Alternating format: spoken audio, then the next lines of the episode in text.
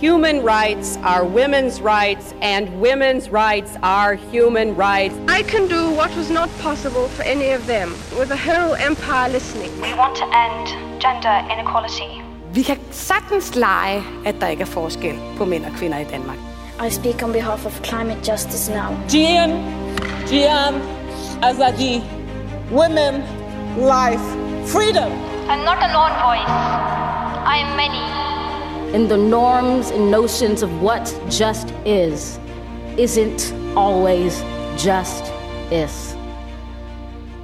Vi gjorde det!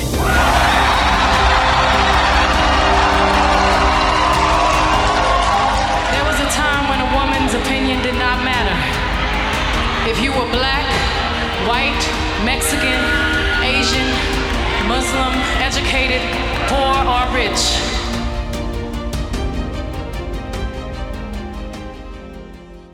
Du lytter til podcasten Kvinde kendt din historie. Mit navn er Gry Jeksen, og jeg er historiker.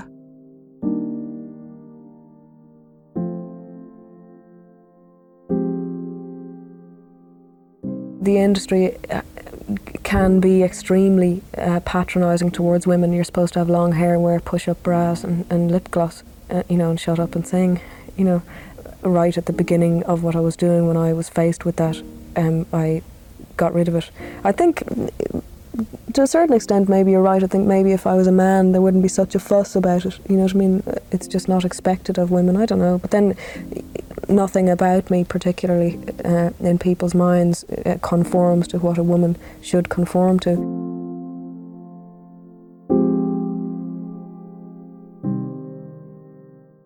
Den 26. juli 2023 gik nyheden om den irske sangerinde Sinead O'Connors død verden rundt.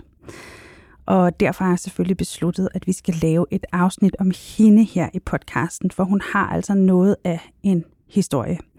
Og min gæst i studiet i dag skrev dagen efter en lang artikel om hende i Information. Den begyndte sådan her. Sinead O'Connor var et modigt, kompliceret, kærligt, plaget og intelligent menneske. Den irske musiker Sinead O'Connor er død 56 år gammel. Hun var en af sin generations helt store sangstemmer, og en modig og kontroversiel person, der betalte prisen for sine holdninger. Og så sluttede den sådan her. Lad os for Guds skyld mindes det modige, komplicerede, kærlige, plagede, intelligente og modsætningsfyldte menneske, Sinead O'Connor var. Men også og måske især den musikalske urkraft, hun var. Det er jo virkelig, virkelig smukt og meget rammende skrevet, og det er dig, Claus Lyngård, der har skrevet de ord. Tusind tak, fordi du vil komme på besøg i dag. Det var så lidt. Du er jo forfatter og musikskribent, og så er du også podcastvært på den meget populære podcast Rockhistorier. Øh, så du er jo helt oplagt at invitere. For de lytter, der måske ikke lige kender dig, kunne du så ikke tænke dig lige at præsentere dig selv? Jo, altså jeg er jo øh, barn, kan man sige, af 70'erne. Jeg har skrevet musik siden 70'erne, startede med at skrive et blad, der hedder M&M. Så jeg har været på Christi Dagblad, jeg har været på Information og Weekendavisen. Jeg har skrevet en række bøger, og ungdomsromaner, der hedder Martin og Victoria. Kæmpe, som, kæmpe stort. Ja, Gyldendal lige er genudsendt faktisk. Ja. I en ny, øh, flot udgave. Og så har jeg øh, altså oversat, og jeg har lavet rigtig mange forskellige ting, kan man sige, kan man årene for at få en skrab månedsløn sammen. Øh, men jeg har i overvejende grad heldigt med musikkritikken og skrive om musik, som er min lidenskab. Ja. Jeg har været ude i hjørnerne, som man siger. Nu, og nu sidder jeg her. ja, nu sidder du her. Det er jeg bare så glad for. Hvordan, øh, hvad er dit forhold til Sinead O'Connor? Altså, kan du Jamen, huske, hvornår du hørte hende første gang? Det kan jeg tydeligt huske, faktisk. Ja. Og det var øh, den der, det der album, uh, The Lion and the Cobra. Og det var sådan en plade, som, som var kult. Altså, det var jo ikke, fordi hun var sådan et... Altså, folk vidste godt, hvem hun var. Men det var også en, man kunne have lidt for sig selv. Så skete der hverken værre eller bedre, end jeg blev tilknyttet øh, Dagbladet Information i 1992 som fastmusikredaktør. Øh, og det var så nyt for mig, alt hvad der var, så da der så, der var et pressemøde med hende. Og tænkte, nu skal vi møde Jeanette O'Connor. Og hun var jo, hun fyldte jo ikke ret meget rummet. Så sad den der lille, spinkle, irske øh, kvinde, som hvad har hun været på det tidspunkt? 4-25 år.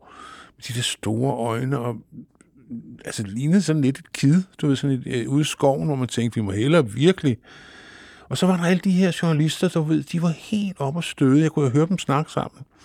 Hun var bare så fake, og alt det der, og hun, allerede det tidspunkt havde hun jo meldt helt klart ud, både med kvinders rettigheder, og med Irland, og med den katolske kirke, da hun sagde, at hun stod fra starten, benyttede hun sin berømte som platform for sine holdninger. Ja.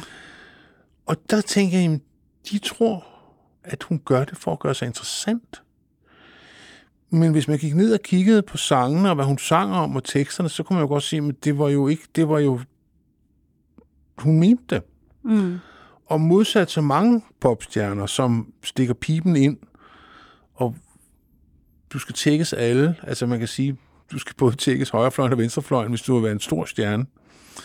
Så skal du ligesom, hvis du så har et budskab, så skal du flade det helt ud, du ved. Jamen altså, jeg kunne godt tænke mig, at der var fred på jorden, ikke? Men fanden kunne ikke det, ikke? Jo, jo, jo. Du ved, øh, hvor hun var meget specifik i sine angrebspunkter, ikke? Og hun var især utrolig kritisk over for den katolske kirke. Øh, blandt andet, fordi hun jo mente, at det var den, der var det primære undertrykkelsesapparat af kvinder i Irland, hvad det jo også var, hvis man går ind og kigger på det historisk. Og det var en meget ubehagelig oplevelse. Jeg har set nogle billeder fra den pressekonference senere, og man kan se, at hun er overrasket, at hun starter med at være smilende, og så kan man se på hende, hvordan hun sådan langsomt synker ind i sig selv. Endnu en omgang af vrede hvide mænd, ikke? Ja. Øh, som nu skulle de fandme nok, du ved. Så du så faktisk, din, det jeg spurgte dig om, det var, hvad var din første oplevelse med Sinead O'Connor? Så det du beskriver, det er, at du starter med at, at få sådan en, en, en stærk kvinde ind i dit musikliv, kan Ja, man ja, sige, ja. og så følger du denne her meget voldsomme periode, og så ender også på et pressemøde, hvor du ser, hvordan hun øh, blev trynet af, af medierne. Det, som jeg oplevede, det var jo, hvor stærk en reaktion noget, som hvis en hver, altså hvis det var, ikke havde været en, en populær musikalsk kunstner, hvis det nu havde været en politiker eller en forfatter, eller øh, der havde sagt det, så havde man sagt, nå, men det er da interessant, at det er din holdning, og når ja. Men her var det som om, at, at det provokerede folk helt vildt, at det her lille spinkle øh, kvindemenneske havde så stærke meninger, så markante meninger, inden for et felt, hvor man bare skal, som Vita Andersen ville have sagt, holde sin kæft og være smuk, ikke? Jo, og især som kvinde, øh, som hun også siger, I'm the, I, was the crazy lady. Altså hun bliver hele tiden øh, dømt ude som bare hysterisk opmærksomhedskrævende, at der faktisk ikke er hold i hendes, øh, ja. i hendes aktivisme. Men øh, ja, alt det, det, det vender vi tilbage til, Claus, fordi det er simpelthen så, en, så vild og spændende en historie, men den har jo en begyndelse, Ja. og øh, den er også vild og voldsom.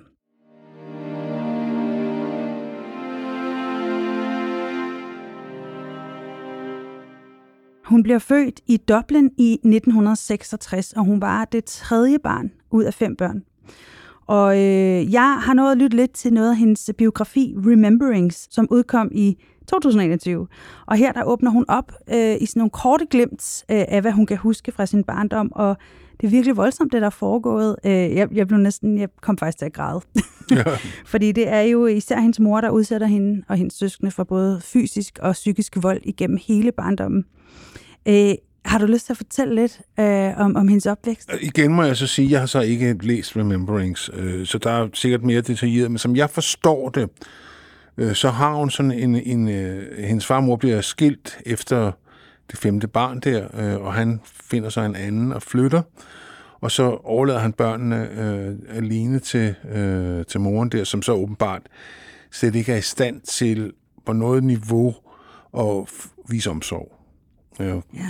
Kun det modsatte. Ja. Straf og øh, øh, udstødelse og forhåndelse og øh, ikke nogen fornemmelse for børns øh, behov og tag osv. osv. Og øh, Sinead O'Connors bror er jo blevet forfatter, og han, han har jo sagt, det er rigtigt, hvad Sinead siger. Altså, det er ikke noget, hun... Sådan var det. Hun var et, et monster. Mm. Og øh, hun snakker så også om det der med, at når hun har været uart i mor, så, skulle hun jo, så blev hun lukket ud i haven. Ja. Øh, og øh, så skulle hun sove i et skur, eller jeg ved ikke, hvor hun sov henne. Ja, der var en gang, hvor hun simpelthen var ude i haven i to uger Ja. som otteårig. Ja. Og det er jo hjerteskærende. Hendes beskrivelse af det, hun for eksempel beskrev som ældre, at hun var bange for himlen. Ja. Fordi hun har været derude øh, og, og, og været øh, omringet af det her univers, og det her åbne univers, og kunne finde tryghed nogle steder.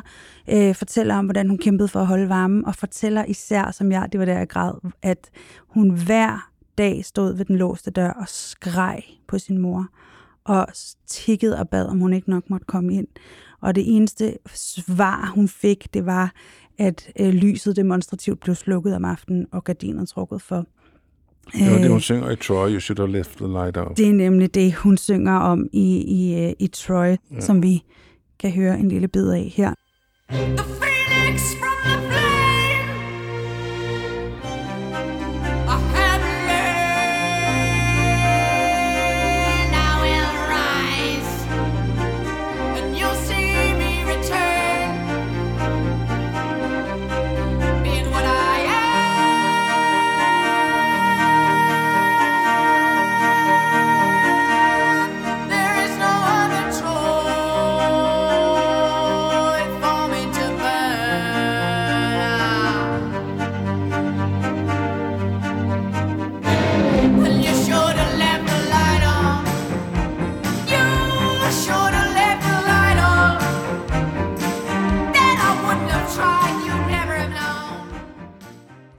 Hun har jo en utrolig evne til at gå fra det meget blide til det meget voldsomme. Og her er, er hun jo virkelig voldsom. Der er meget smerte, der skal ud i det nummer. Jo, det er der. Det er der virkelig. Altså det her med, at hun, hun har brug for ligesom at, at... Altså det er hendes terapi. Ja. Det er totalt øh, en, en forsøg på at hele nogle ekstremt voldsomme traumer. Ja. Hendes mor har også øh, øh, lært børnene at stjæle. Øh, og blandt andet, så var de jo meget katolsk kristne, og hun øh, fandt ud af, moren, når de var ude og samle ind til kirken, så blev de der kirkebøsser jo enormt fyldt med penge. Så hun fik børnene til at stjæle en kirkebøs, så de så kunne gå ud og øh, bede om penge øh, fake øh, og, og beholde pengene selv. Og da det så blev opdaget, så beskriver øh, Jeanette øh, en, en, en, en, en situation, hvor præsten sidder med hende og moren og siger, hvad er det dog, I har gjort? Og moren så spiller uskyldig og giver øh, barnet hele skylden. Og det er jo der, hun kommer på øh, klosterskolen. Og det er der, hun kommer på klosterskole, men prøv at overveje et bedrag. Alene det, hun kan kunne gennemføre et- et voksenliv, vil jeg sige, har været øh, Jamen, imponerende. hendes mor lyder, som om hun var borderline. Ja, i allerhøjeste grad. Ja. Ja. Nå, det er godt, du siger klosterskole, fordi øh, hun bliver jo, øh, altså, var jeg lige ved at sige, naturligvis et uregerligt barn, fordi hun har rimelig meget at slås med. Så bliver hun sendt på det her pigehjem, og øh, inden vi dykker ned i, hvordan det påvirker hende generelt, altså øh, i hendes liv, fordi det får også ret stor betydning for hende, så har jeg lyst, så opdagede jeg lige noget, da jeg læste om det, fordi det, som Jeanette hun beskriver i sine erindringer, det er, at når hun var på det her hjem, og hun skulle straffes ekstra hårdt, hvis hun havde været ekstra strid, så sendte nonnerne hende op og sove hos de gamle Magdalenaer, siger hun så. Og øh, der kom man så op til de her gamle damer, der lå og, og, og, og, og kaldte på hjælp, men ingen kom. Og der skulle man så sove hos dem til skræk og advarsel, så man ikke selv blev en Magdalena. Og det var jeg jo nødt til at google, for jeg tænkte, hvad er det der? Det handler om. Og så fandt jeg simpelthen ud af, at siden 1920'erne, så har man i Irland haft øh, de her Magdalena hjem for faldende kvinder. Og det er faktisk i samme periode, hvor vi åbner øh, kvindehjemmet på Sprogø i Danmark. Det her med, hvor gør vi af alle de uregerlige kvinder. I Irland har de så bare det ekstra lag, at det også handler om religionen. Og det kunne være unge kvinder, der var blevet øh, ufrivilligt gravide. Man skal bare lige huske, at både prævention og, og fri abort øh, var der ingenting af. Det kan også være unge kvinder, der på anden måde har været uregerlige og blevet uvenner med deres familie eller sådan noget. De kom på Magdalena hjem. Og de her Magdalena hjem var opkaldt efter Maria Magdalena, som jo i Bibelen beskrives som den her prostituerede kvinde, øh, som opnår tilgivelse øh, og frelse ved at vaske Jesus fødder. Og derfor så skulle de her kvinder, der kom på Magdalena hjem, de skulle vaske tøj i store vaskerier. 12 timer om dagen, alle årets 52 uger gratis arbejde for at opnå tilgivelse. Og det var altså på livstid, man sad i de her hjem. Nogle af de piger, der kom derind, var gravide. Hvis de fødte en datter, så blev hun automatisk en Magdalena-pige, fordi hun var jo uægte og uren fra starten af sit liv. Og på den måde, så kunne man ligesom blive ved med at have gratis arbejdskraft i de her Magdalena. Hvad skete der med drengene? Vaskerier. Det, det ved jeg ikke, det undersøgte jeg ikke. Men øh, de har nok øh, kommet på børnehjem og måske fået mulighed for at komme ud i samfundet. Ikke? Men det sidste Magdalena hjem i Irland lukkede først i 1996. Det synes jeg er så voldsomt. Og ja. det er så det, det er faktisk det, hun er opvokset i. Johnny Mitchell har lavet en sang om det faktisk, som Magdalena Laundries. Har hun det? Uh, den skal jeg høre. Ja. Tak for den anbefaling. Nå, men det var ikke kun forfærdeligt at være på det her hjem, fordi noget af det, som øh, Jeanette, hun øh, får lov til, det er jo at forfølge sin drøm om at synge. Og der er en guitarlærer inde på det her, en af det her øh, hjem, der opdager, at hun faktisk har et stort talent. Og så bliver hun 18 år, og så kan hun flytte til Dublin. Og hvad er det, der sker her, Klaus? Jamen, der sker det på Dublin, at hun kommer jo ind i et musikmiljø, som er levende og dynamisk, og øh, man kan sige, på det her tidspunkt begynder Irland jo at manifestere sig som en, et sted, hvor der kommer god musik fra YouTube og så videre, så videre. Så fokus er på en måde blevet rettet mod, øh, mod irsk musik. Det så altid står lidt i skyggen af det engelske. Og øh, hun kommer først med et band, og så opdager øh, to engelske øh, pladselskabsfolk hende, og tager hende ligesom ud af banesammenhængen og forestiller sig, at hun skal gøres til en solostjerne. Et pladselskab, der er Ensign, og de forestiller sig så, at hun skal groomes, som man jo tit gør med, øh, med unge kvinder. Hun, skal, hun er jo smuk på naturens hånd, så de vil gerne putte hende i en kjole og nogle højhældede sko og give hende en stylist og øh, sælge hende på øh, udseende lige så meget som på hendes udtryk. Og så det lytter hun til, og så går hun hjem, og så, så øh, klipper hun, så, så kronrager hun sig selv. Ja. Øh, fordi at, så kan de jo lære det. Hun faktisk går ned til en barber og beder ham om det. Ja. Og han vil ikke. Nej. Han siger, hvad vil din far sige? Hvad vil din bror sige? Altså, han, han kan slet ikke. Og så siger hun, det er da lige meget, hvad vil jeg sige? Jeg vil gerne have det barberet ja. af. Og så siger han, du må lumme, du må aldrig fortælle, at det her, du har fået det gjort. Ja. Det er vildt nok. Ja. Men det er en protest. Men, men altså, vi bliver også nødt til lige at så røre lidt ved det der patriarkalske samfund, som hun er et produkt af, fordi Irland, det er meget sjovt, når man tænker på, du ved, den furore, der er over, øh, hvordan kvinder har det i den islamiske verden. Men vi skal jo ikke ret langt tilbage i Europa for at se ting, som, altså, hvor mænd havde nærmest øh, hals og håndret over, over kvinder på en måde. Det er meget typisk med den historie, du fortæller med den der barber. Han er skide bange for, at faren eller broren skal ned og give ham en røvfuld, Mm. øh, fordi at øh, han har ødelagt noget af deres ejendom. Ikke? Ja, fordi irlandsk, det irlandske samfund er utrolig øh, præget af den katolske kirke. Det kom bag på mig faktisk, da jeg lige læste op på det, øh, at, at, at den katolske kirke var jo inde over alt omkring lovgivning, omkring samfundsordner, og det var jo virkelig patriarkat, som vi nærmest, ej, jeg ved, måske er det lidt overdrevet at sige, men jeg synes nærmest det er sådan middelalderligt.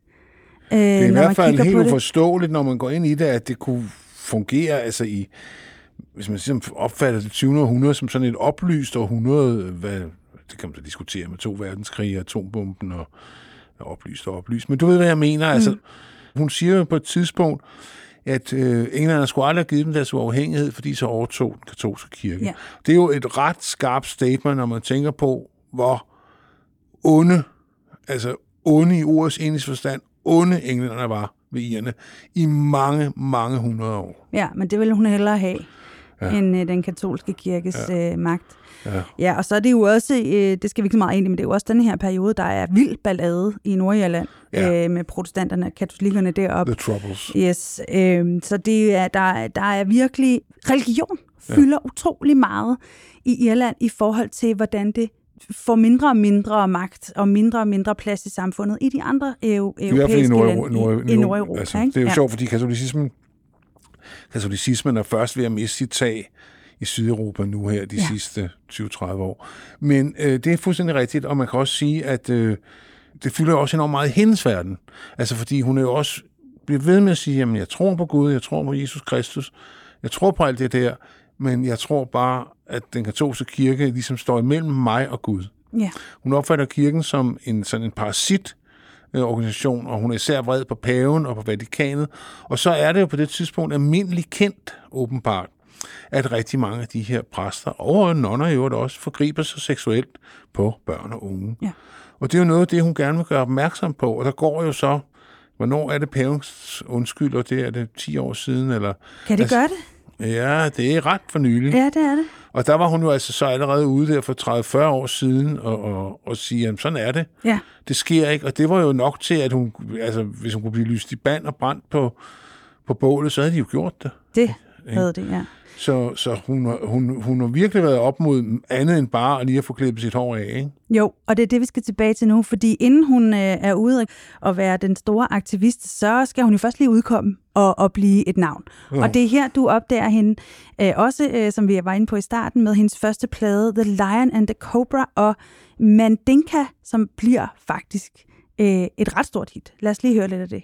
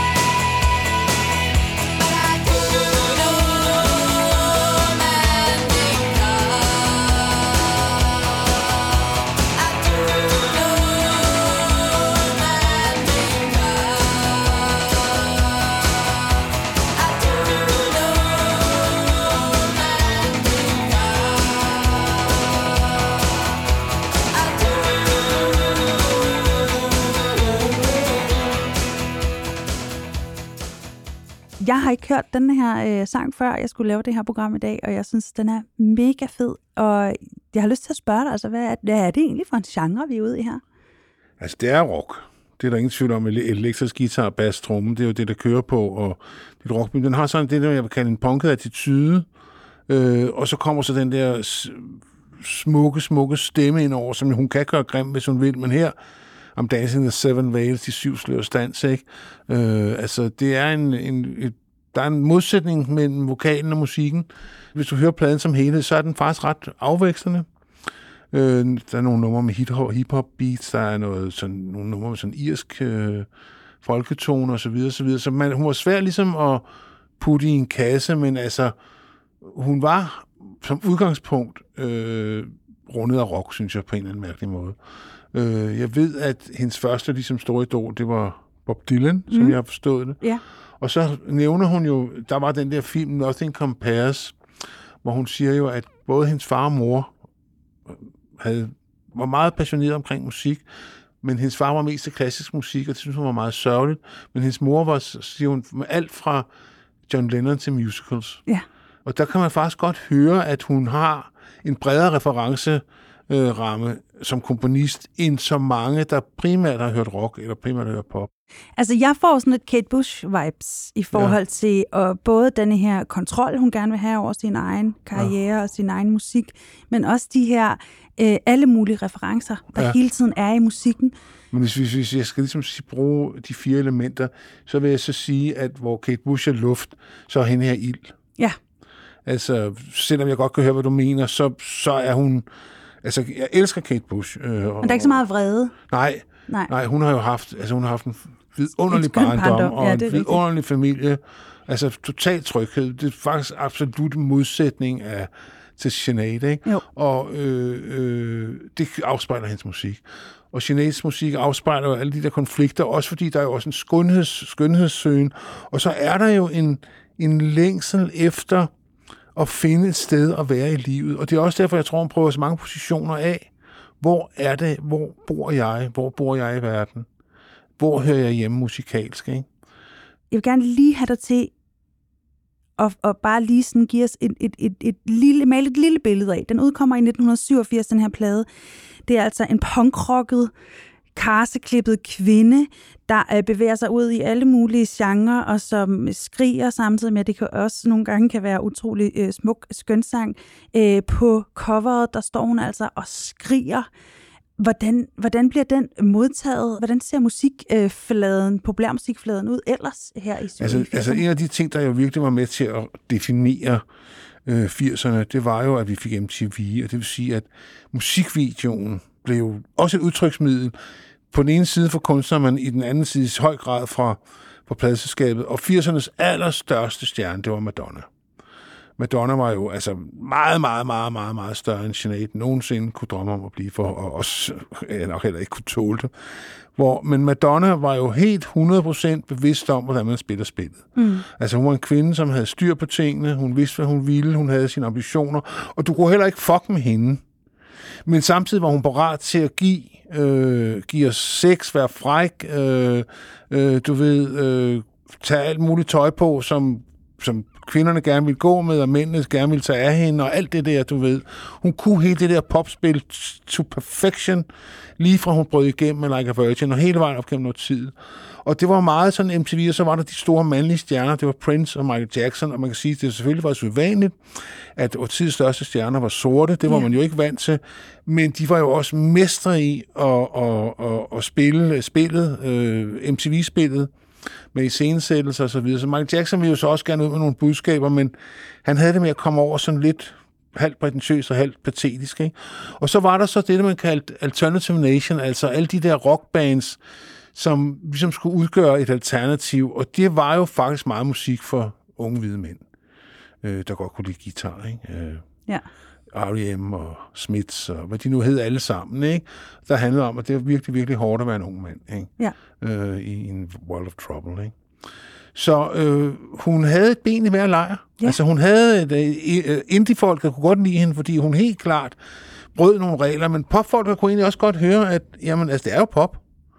Så hun var faktisk ret god til at straddle nogle af de der dominerende tendenser, der var i årtiet på den måde.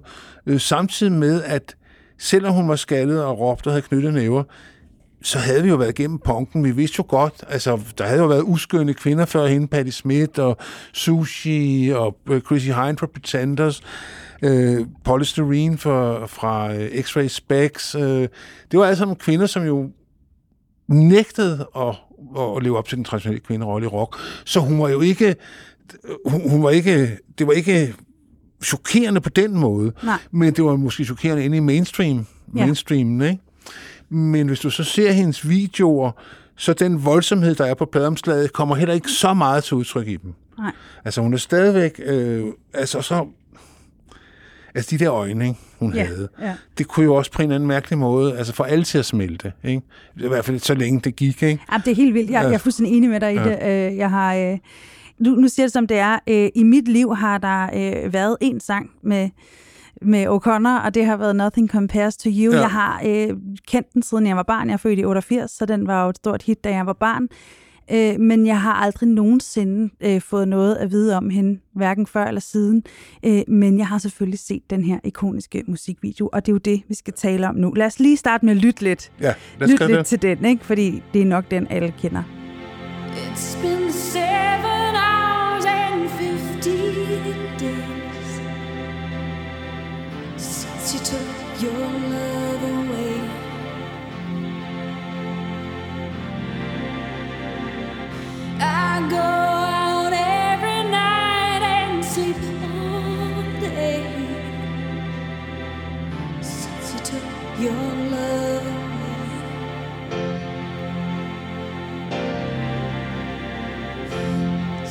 de Deus.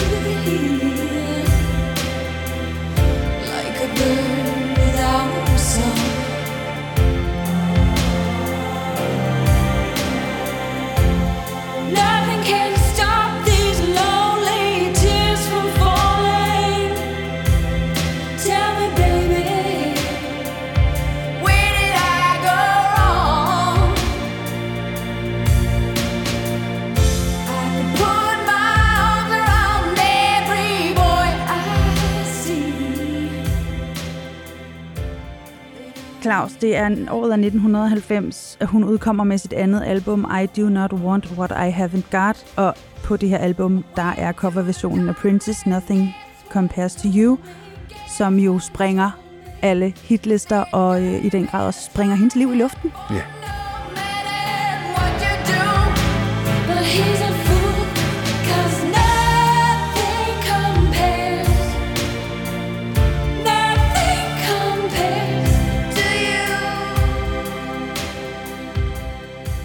Hun bliver mega. Hun går fra at være en kultfigur, som man så sige, så vidt jeg husker, blev hun Grammy-nomineret for Lana Cobra, så altså, der skete Hun noget. gamet, Hun kom ja. til Amerika, de var vilde med hende mm. i starten, altså, de tog imod hende med åbne arme, du ved, da hun kom første gang derover, og der var ikke noget med noget. Så på den måde var hun jo kommet godt fra start, bedre end, end måske, hvis Ensign havde fået lov til at style hende, fordi man var vidst med det samme, hvem hun var. Altså, hun havde meget mere øh, øh, personlighed at se på, end måske så mange af de mere stylede popstjerner, ikke? Så på den måde var hun jo et trademark i sig selv. Øh, men nu bliver hun så denne her mega stjerne. Hun siger et sted, jeg kan ikke huske, om det er filmen, om det er noget, jeg har læst, men hun siger et sted, jamen, jeg gik ikke ind i branchen for at blive en stjerne. Jeg gik ind, fordi jeg havde brug for at skrive min smerte ud. Ja. Øh, og det er jo et helt andet, altså det der så tror jeg så, der er mange, der gør, så tager de så berømmelsen med, når den kommer, du ved, og oh, gud, og jamen, så lad mig da Jamen, bare jeg synes faktisk, det virker... i Spanien. øh, det er rigtigt. Jamen, jeg synes, det virker meget ærligt. Altså, det minder mig også lidt om Amy Winehouse, ja. som jo også øh, bliver smadret fuldstændig af branchen, men Ja. ja. som jo bare drømte om at synge jazz på en jazzklub. Ja. Nu var det bare for at sige ærligheden, når hun siger, ja. det interesserer mig ikke at være Nej. kendt. Den tror jeg på. Det tror jeg også. Ja. Altså, I do not want what I haven't got. Ja. Jeg tror ikke, det kan siges kortere. Den pladetitel siger mere, altså den opsummerer simpelthen hendes indstilling til livet. Ja. Hun bliver den her megastjerne, og så tænker hun, at jeg har nogle issues, og så kommer hun så tilbage. Altså først, så er det selvfølgelig berusende. Jeg kunne forestille mig, at det har været berusende i starten. Ja, og lad os lige, jeg, jeg godt tænke mig at, at spørge dig igen. Kan du huske, da du så den her musikvideo Tydeligt. første gang? For det kan jeg nemlig også, ja. Tydeligt. Den er optaget i en eller anden øh, park uden for Paris, Mm. Hvor hun går rundt i, i sådan en dag, hvor 3-4 graders vinterdag, det er ikke rigtig koldt, men det, altså, du ved, der er sådan en helt speciel lys og stemning i de der dage. Og så begynder hun jo at græde lige pludselig i den der øh, video. Det havde jeg sgu ikke set før. Nej.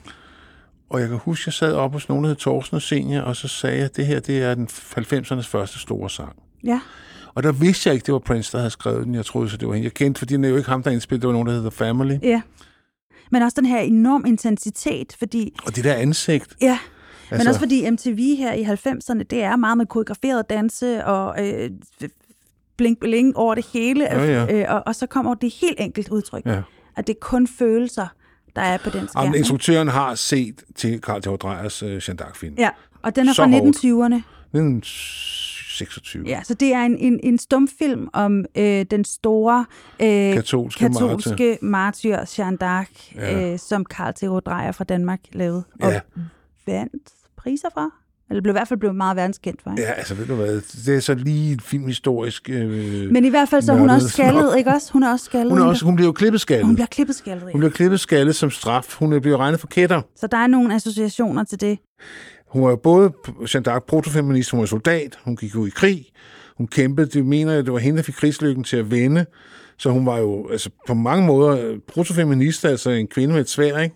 Ja. Og så var hun så martyr, ikke? Det var altså guf, øh, hvis du er katolik, vil jeg sige. Ja, så vi ved ikke, om O'Connor kendte filmen. Nej, det men, vi ikke. øh, men, Men øh, det, det, det var de associationer, jeg fik allerede dengang, fordi dengang øh, havde jeg set filmen nede på det gamle filmmuseum, der lå på Christianshavn, der havde jeg set, når jeg var fuldkommen blown away, fordi at, som så mange var jeg ikke klar over stumfilmens styrke. Nej. Hvad stumfilm kan, fordi jeg troede, det var sådan noget Buster Keaton og, og Charlie Chaplin, Ja, men jeg vidste ikke, altså, at den også kunne være, altså, at du kunne få så meget styrke ja. uden tale, bare ved hjælp af billeder og så musik, og så de der, talen kommer ind som... som Ja, ja, som tekst Ja, imellem som hvert tekst, billede. Ja, Men ja. det kan det sagtens. Selvfølgelig kan det det. Det er Ja. bare en anden form for kunst. Det er en anden måde at tænke film på. Så jo, øh, jeg kunne meget tydeligt huske første gang, jeg så den. Og jeg tænkte, her sker noget afgørende nyt. She's a new thing. Altså, hun vil give Madonna baghjul. Ja. Og det sker jo så desværre ikke helt, fordi at øh, nu, har, nu ser jeg, at hun bliver me- eller du fortæller, at hun bliver megastjerne overnight. Og så har jeg skrevet her mine noter, øh, i gåsøjne begynder det så også at gå galt nu. Øh, fordi øh, nu tager hun på tur i USA igen, og øh, så begynder hun at træde i karakter som aktivist. Så det første, hun gør, det er, at hun takker nej til, at de skal have lov til at spille national, den amerikanske nationalsang på scenen, inden hun går på scenen. Det vil hun altså ikke. Nej. Det er jo også noget med, hvem, hvem amerikanerne har undertrykt, og, og sådan noget, hun, hun øh, lægger i Igen, det. ja. Og det er altså, det er fuldkommen uforståeligt for amerikanerne. Det, er- det er hensides, at vi helt hensides noget, der kan snakkes om. Fordi det gør man bare derovre. Ja. Og man kan også sige, altså på sæt og vis, der vil jeg så sige, hvis nu jeg er et land, altså der kan man også diskutere Sineads strategi. Hun er gæst, altså det er deres land, det er deres kultur. Ja, ja, Du ved- ja. Er det der, hun skal er sætte det ind? der, man skal sætte ind? Ja. Øh, men det vælger hun at gøre, og det står hun jo så... Hun, hun har jo altid sagt, at hun fortryder ikke nogen af de der ting der. Det får at stå ved, men det er så med til, at så begynder radiostationen at sige, så vil vi ikke spille hende. Ja. Hvis, altså, hvis ikke hun kan Respektere os. respektere os, så vil vi heller respektere hende. Nej. Så det er det første backlash. Så er der så et meget populært tv-program, der er Saturday Night Live, som netop er live. Saturday Night Live på Ja. NBC, Ja. der bliver hun inviteret som gæst. Ja. Og det er jo stort, fordi der er, er mange millioner mennesker, der ser Og det det hver er jo, det er jo modkulturens. Det er ikke her på Amerika. Det er der, man bliver op sent lørdag aften med vennerne, drikker nogle dåseøl, ryger en spliff, hygger sig, og er, er enige om, at man er frisindet og bla bla bla, antiracist. Det er sådan en helt speciel okay. segment, der ser Saturday Night Live. Det er, vi er sådan over på det, der hedder den amerikanske venstrefløj. Okay. En lang række af de store komikere bliver rundet der. Eddie Murphy, Bill Murray og rigtig mange af de der folk, John Belushi, de kommer fra Saturday Night Live. Det er der, de ligesom starter. Øh, Chevy Chase, hvad fanden de hedder. Og det er sjovt, det, det laver tit grin med aktuelle begivenheder, de laver tit uh, impersonations, hvad hedder det, uh, Paudier. parodier på kendte personer osv. osv. Og så har der altid et musikalsk indslag, så er der en musikalsk gæst, der er et husorkester osv. osv. Og der, jeg kan ved ikke, hvad for en sang hun skal synge, men hun vælger at synge Bob Marleys War, som bygger på en tale af Haile Selassie, som jo var den første kejser i Etiopien, som... Ja, det er en lang historie. Men øh, Marcus Garvey, som ligesom grundlægger øh, hele den der tanke Back to Africa, han siger, at den første, øh, første sorte statsleder i Afrika er udsendt af Gud eller noget af den stil. Og det bliver Haile Selassie, så Rastafarierne betragter Haile Selassie, som var en middelmodig hersker, sådan set med øh, sådan mere objektive historiske øjne, som øh, værende øh, Guds udsending på jorden. Han holder en tale, som faktisk er ret god, som Bob, der, som Bob Marley sender musik til, og hvor han synger War. Og det er blandt andet noget med, at før alle mennesker er lige, så vil der være krig. Før øh, hvide og sorte og bla bla bla kan leve sammen, så vil der være krig. Før øh, bla bla bla, så vil der være krig. Altså alle de der ting, som vi godt ved, there's war. Everywhere is war. War in the east,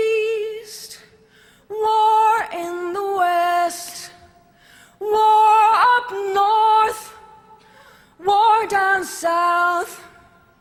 There's war and the rumors of war. Until that day, there is no continent which will know peace. Children, children, fight. We find it necessary. We know we will win. We have confidence in the victory of good over evil.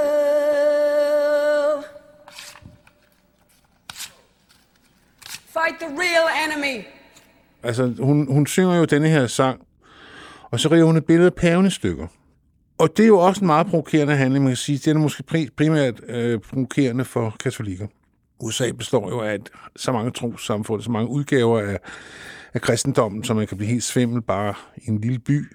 Men der lykkedes det hende altså at pisse selv Frank Sinatra af. Han lover hende jo nu nærmest en røvfuld, Mm. om han så i den alder, han havde på det tidspunkt, kunne tæve nogen. Det ville så forstå hende det uvisse, men altså, hun skaber furore især blandt øh, efterkommere italienske øh, indvandrere, som der var mange af i USA og så videre, og så videre.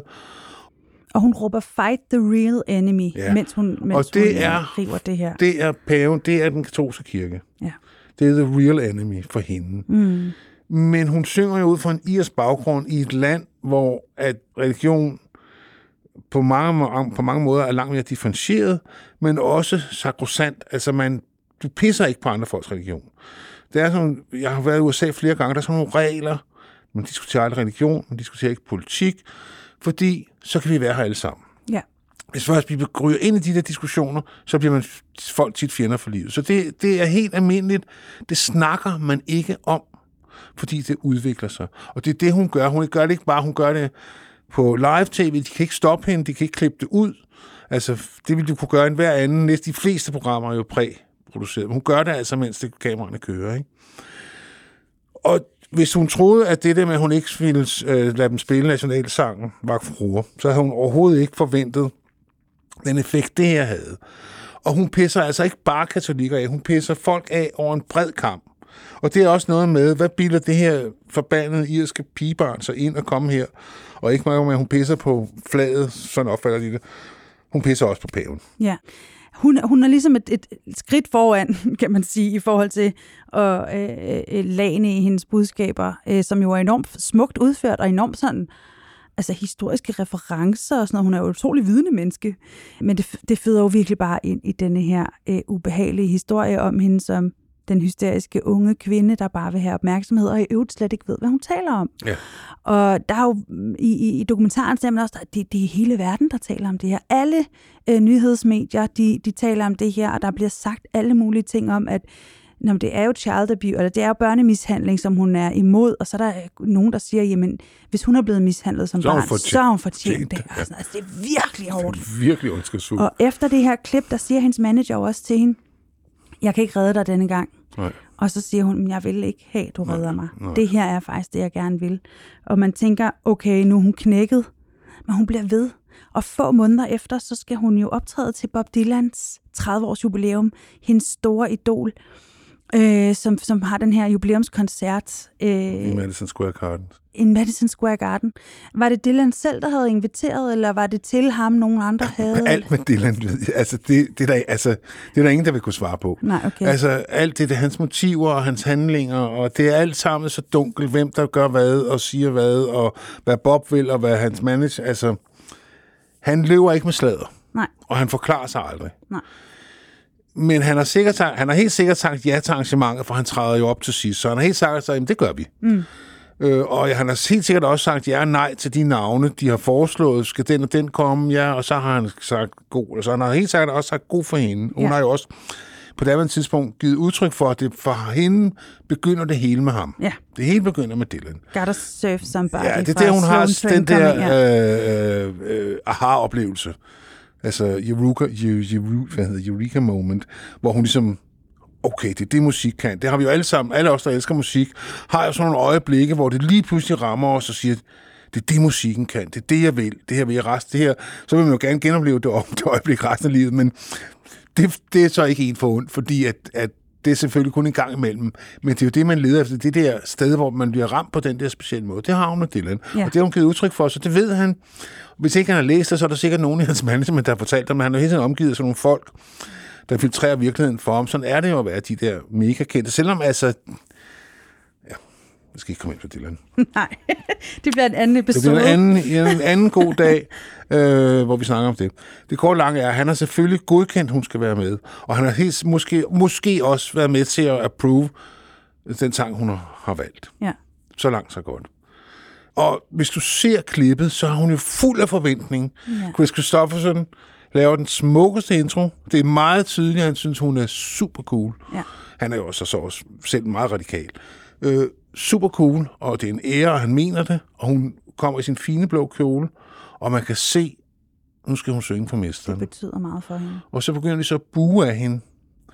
Og igen, nu har jeg hørt det, genhørt det for nylig klippet, så mange er det heller ikke, der buer. Nej. Altså virkelig, sådan jeg, blandet, jeg, mærkeligt. husker det, jeg huskede det som, at du ved, en mur. Men der er selvfølgelig nok til, og det er noget helt andet, når man står deroppe. Altså det kan vi andre slet ikke. Jeg har nogle få gange været konferencier til sådan nogle, eller hvad hedder det nu, stående toastmaster hedder det vist. Mm. Det er sådan nogle events, hvor der har været flere orkestre, og det er, når man står der og kigger ud over dem, det er sådan noget andet end at stå dernede og kigge op. Og dem, der står deroppe, er altså meget, meget mere sårbare, mm. end dem, der står dernede. Og så står hun der i sin fine blå kjole, og dem, hun hører, det er dem, der buer. Ja. Og jeg tror måske, hvis hun havde sagt 1, 2, 3, 4 og sat i med det der Dylan-nummer, så tror jeg måske, det havde lagt sig. Mm. Men hun træder jo tilbage fra mikrofonen, og så kan man jo så se den der glæde, og hendes, altså hun er jo så skrøbelig, så man er lige ved at brække sig. Så kan man se det krakelere, og så begynder hun at synge den der War igen, som, som hun jo sang på Saturday Night Live. Men og den gennemfører hun jo så. Det gør hun, den råber hun så igen. Ja. altså, men jeg forstår heller ikke helt, fordi Bob Dylan er jo selv kendt for at kritisere ja. systemer det er igennem hans- sin sangskrivning. Det er jo frygteligt, altså... For hans publikum er det en forlitterklang. Det er, meget de gamle hippier, Ja. som altså var som noget, der var, der var intet, der var heldigt for dem dengang. Alt skulle rives ned, alle institutioner skulle omstyrtes. Du ved, nu er der gået 30 år, så sidder de alle sammen på flæsket der med deres øh, two cars and the three children og forstederne og lige pludselig, du ved, altså hvis du tænker på, hvordan, altså, jeg tror folk glemmer, hvor radikalt et angreb på alt ungdomsoprøret var. På alt. Ja, ja, ja. I, og der er vi tilbage i 70'erne, starten af 70'erne. Ja, og slutningen af slutningen 60'erne. 60'erne. Ja, det starter allerede. Altså, det simpelthen udløber ligesom af borgerrettighedsbevægelsen, anti-Vietnam-bevægelsen, atomkraftmarscherne, de der ting mødes ligesom der, og så kommer vi med stofferne og rockmusikken oveni, og så har vi balladen, ikke? Jo, jo. Men det er ligesom det publikum. Det er dem, der, der, der var unge dengang. Ja. De står nu og buer Ja, det er så pinligt. af en samfundskritiker. Det er så pinligt. Det er meget mærkeligt. Det er så pinligt. Altså, det var så pinligt, så at ens tær krummede sig jo helt op under lovene, og han klarede det. Altså, Chris Christofferson er jo virkelig dagens mand der, fordi man kan se på ham, hold kæft, mand.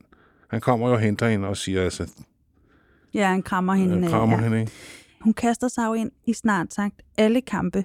Øh, og øh, noget, som jeg synes, vi lige skal nævne, det er, at hun også går demonstrationer i Irland sammen med de irske kvinder, der handler om øh, retten til at bruge prævention og retten til at fri abort, som, øh, som de jo først for nylig har fået.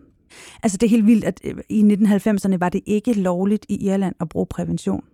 Bare lidt lad den stå. Det er jo helt sindssygt. Det er jo, det, og det er det, jeg mener med middelalderagtigt, faktisk. Jo, jo. Altså tilstande, ikke? Øh, hun kaster sig ind i øh, øh, de Nu sortes ved jeg så ikke, hvor god rettigheder i prævention de havde i middelalderen. Nej, nej, men jeg mener sådan det her med øh, øh, øh, overhovedet at, Ja, ja, at have forbud med den slags Ja, i det 20. århundrede. Ikke? Øh, nej, altså og hun kaster sig ind i de sortes rettigheder, den måde, de bliver behandlet på af politiet i London, øh, børnemishandling, øh, Rastafari, altså det, hun er alle steder i, i, i, i, kaster sig ligesom ind i alle kampe, og det er som om, at hun ligesom derefter øh, bi, øh, hvad hedder det, NBC-oplevelsen i Saturday Night Live, vælger meget aktivt, at uanset hvor hårdt det her bliver, så vil jeg ikke holde op. Er det ikke rigtigt? Jo.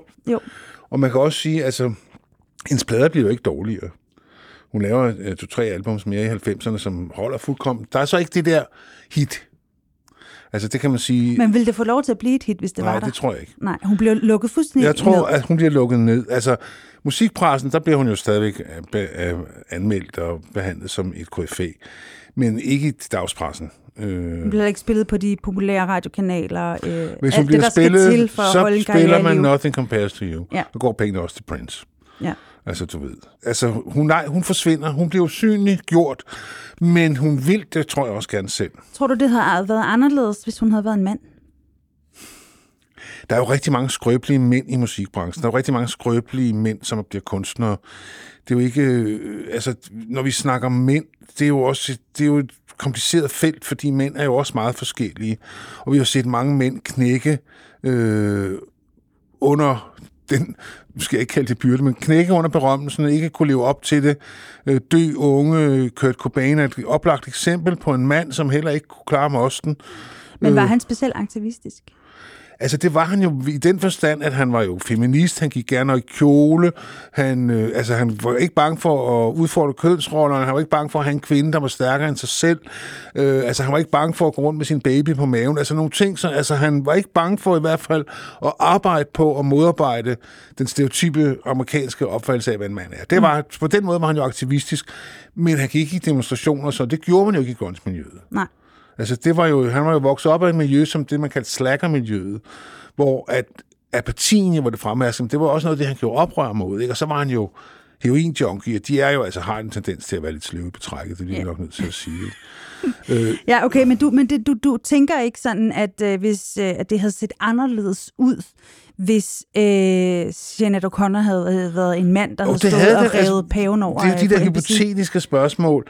Jeg tror ikke, en mand ville være sluppet afsted med at have- revet pavens billede over i bedst sengetid. Det tror jeg simpelthen ikke på. Men kritikken af ham ville have været, Det ville have været en anden anderledes, ordlyd, og ja. han ville ikke være blevet... Han kunne måske have vendt tilbage. Ja. Det er en mulighed. Han var måske ikke blevet the crazy bitch. Nej. Hun har jo aldrig lagt skjult på lige fra starten. Jeg kæmper med nogle dæmoner. Stemmerne i mit hoved.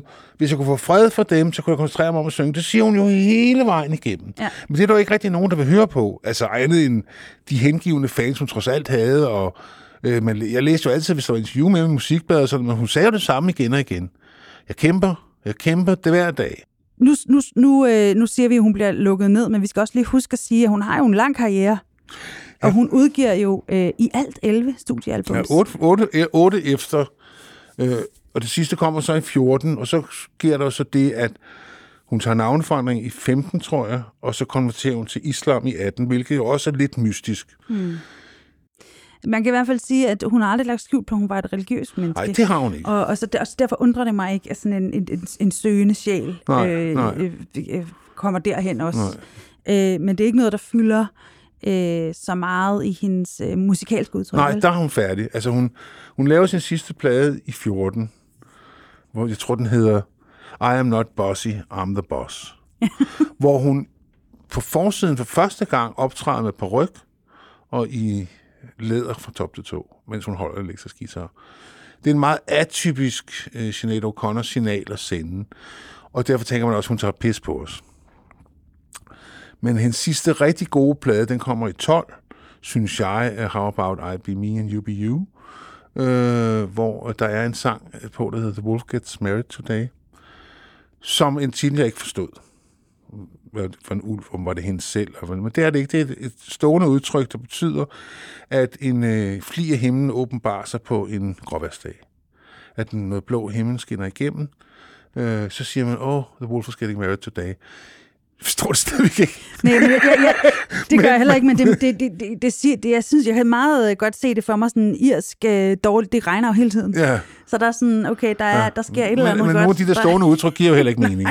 altså, så, men så det, og det er en, en positiv sang. En meget, meget smuk, øh, fin sang, som, som måske er den sidste store sang i kataloget.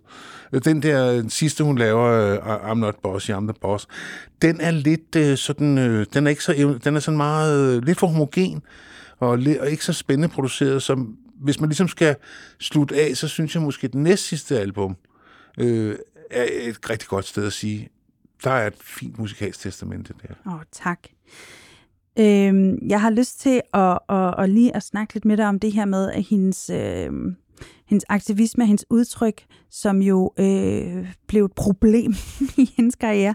Men når vi kigger på kunstnere i dag, øh, de unge øh, øh, store talenter, Billie Eilish, øh, også sådan store influencer øh, på de sociale medier, der er det næsten i dag kikset, hvis man ikke har en eller anden kors, om det så er LGBT plus rettigheder, eller om det er racisme, eller køn, så er det nærmest et must for en megastjerne at, at være med øh, til at sætte dagsordenen i forhold til aktivisme. Tror du, at øh, O'Connor har, har, har lagt en eller anden form for, for sti der? Første gang noget sker, så virker det jo stærkere end tredje og fjerde gang, ikke? Men jeg kan heller ikke komme i tanke om nogle af de her kvinder, du nævner, der har gjort noget så radikalt, som hun har Nej, gjort. nej, det er Altså, rigtigt. en ting er at sige, at jeg støtter LGBT. Det er, vil jeg sige, hvis ikke du gør det i en lille by i Kansas, så er det rimelig ufarligt. Mm. Altså, du ved, hvis du gør det øh, altså, på de medier og på den måde, som det fungerer i dag, du mister jo ikke noget. Faktisk kan du vinde noget ved det. Ikke? Så du tænker, at, at det, som hun skiller sig ud på, og du var også inde på det i forhold til øh, Michael Jackson, og, og denne her måde med, at så længe du er det bredt, Ja. ja. så er det ufarligt. Det er det, vi ser i dag også. Ja, hun tager- Der er hun- ikke nogen så radikal som hende. Nej, hun tager jo helt specifikke sager op. Katolske kirke, ja. Ja. kirken i Irland, øh, kvindeundertrykkelse. Hun peger på det, hun kommer med eksempler og siger, sådan der, det der, det, det er noget lort, det skal laves om, og så videre. Og hun blotter sig selv Hun blotter sig selv, og, hun, og hun omfavner, og hun, hun pakker det jo ikke ind, hun er jo ikke, hun gør det ikke med et smil. Nej. Så jeg synes på en eller anden mærkelig måde, hun står ret alene. Altså, der er nogle få, øh, man kan sige, øh, øh, ham fra Beastie Boys, der gik all in på Tibet, og pegede på det, og, og pegede på Kina, og that's the enemy, og du ved, det skal vi...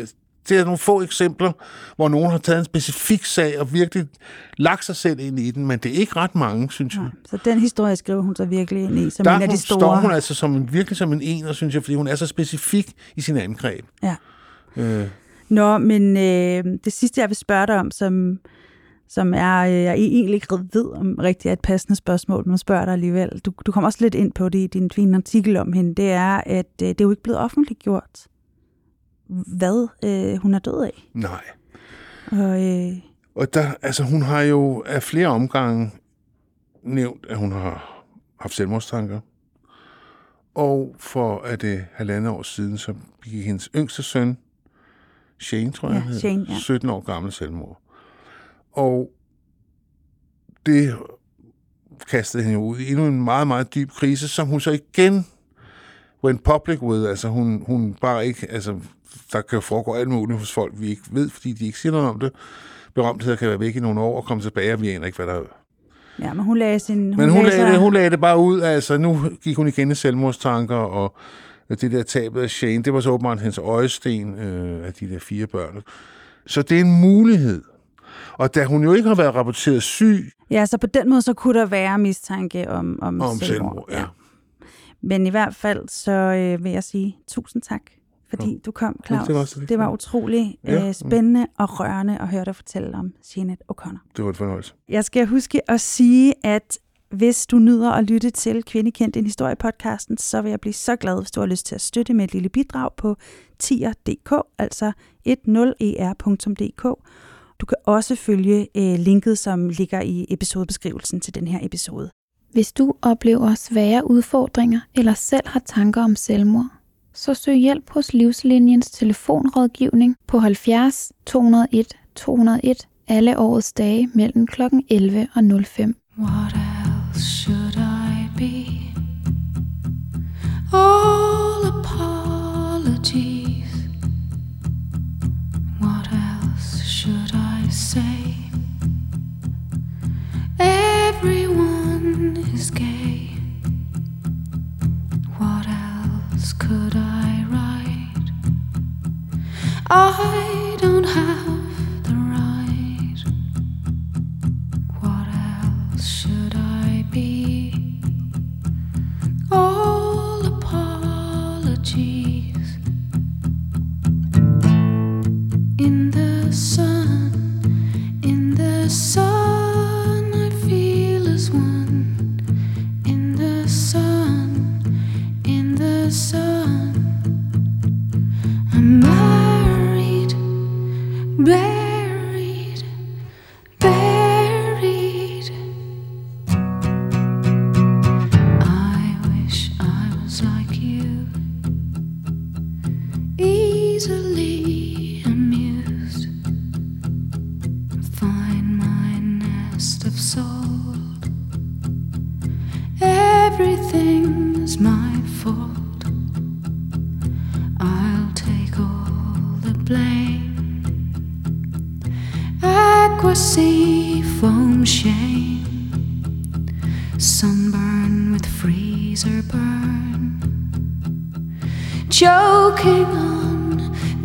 ashes of